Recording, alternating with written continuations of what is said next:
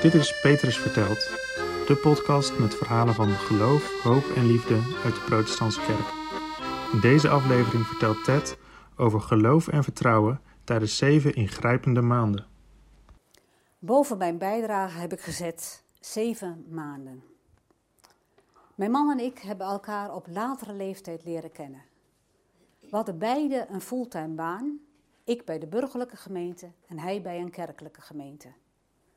En toen duidelijk was dat we zouden gaan trouwen, toen was er een dame in zijn gemeente die zei: Wat fijn voor u.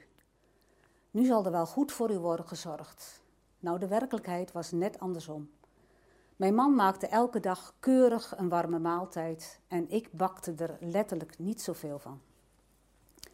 En in ons huwelijk is het zo gebleven. Hij had de functie van kok. Hij deed de boodschappen en hij kookte en ik was van het wassen en het poetsen en het strijken.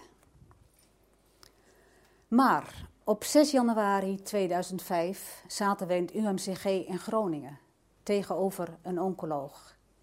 Ik kan u het kamertje nog aanwijzen. En ik zie de man nog zo voor me, ik weet zijn naam ook nog.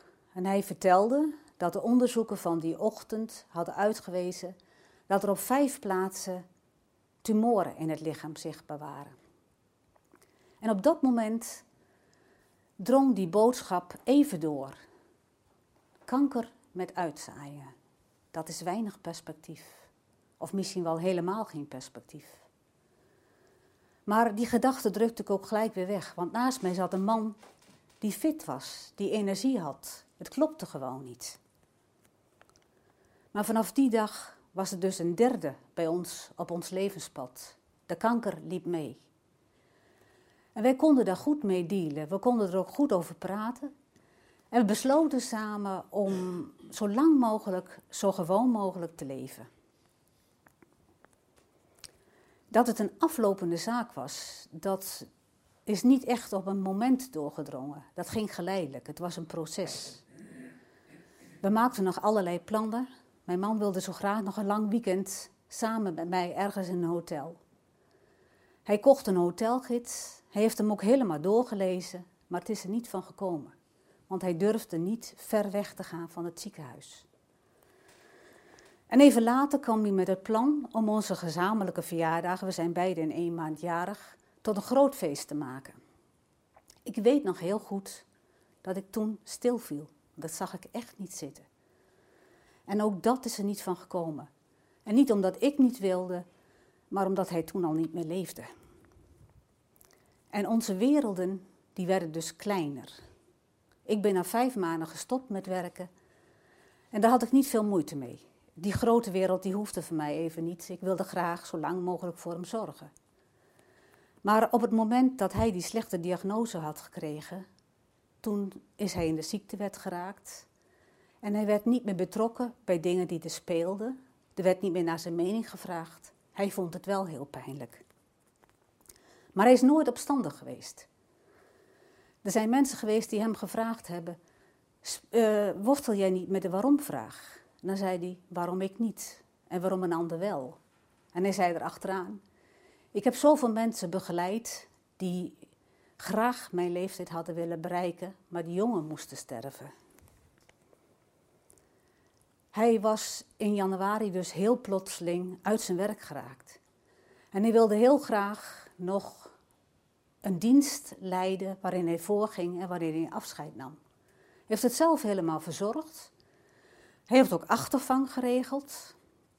Voor het moment, nee, voor het geval dat hij dus uit zou vallen of het niet helemaal vol zou kunnen maken. Maar het is allemaal prima gegaan. Ik was erbij in die dienst en ik heb het ervaren als het afscheid van een predikant, niet als het afscheid van mijn man. En daarna gingen we thuis praten over het afscheid op het moment dat hij gestorven was. We hebben samen een lijst van genodigden gemaakt. En hij zei zelf dat hij graag een witte kist wilde. En hij wilde ook een witte valgauto. Al moet je hem uit Rotterdam halen, dat maakt niet uit. Maar die wil ik graag.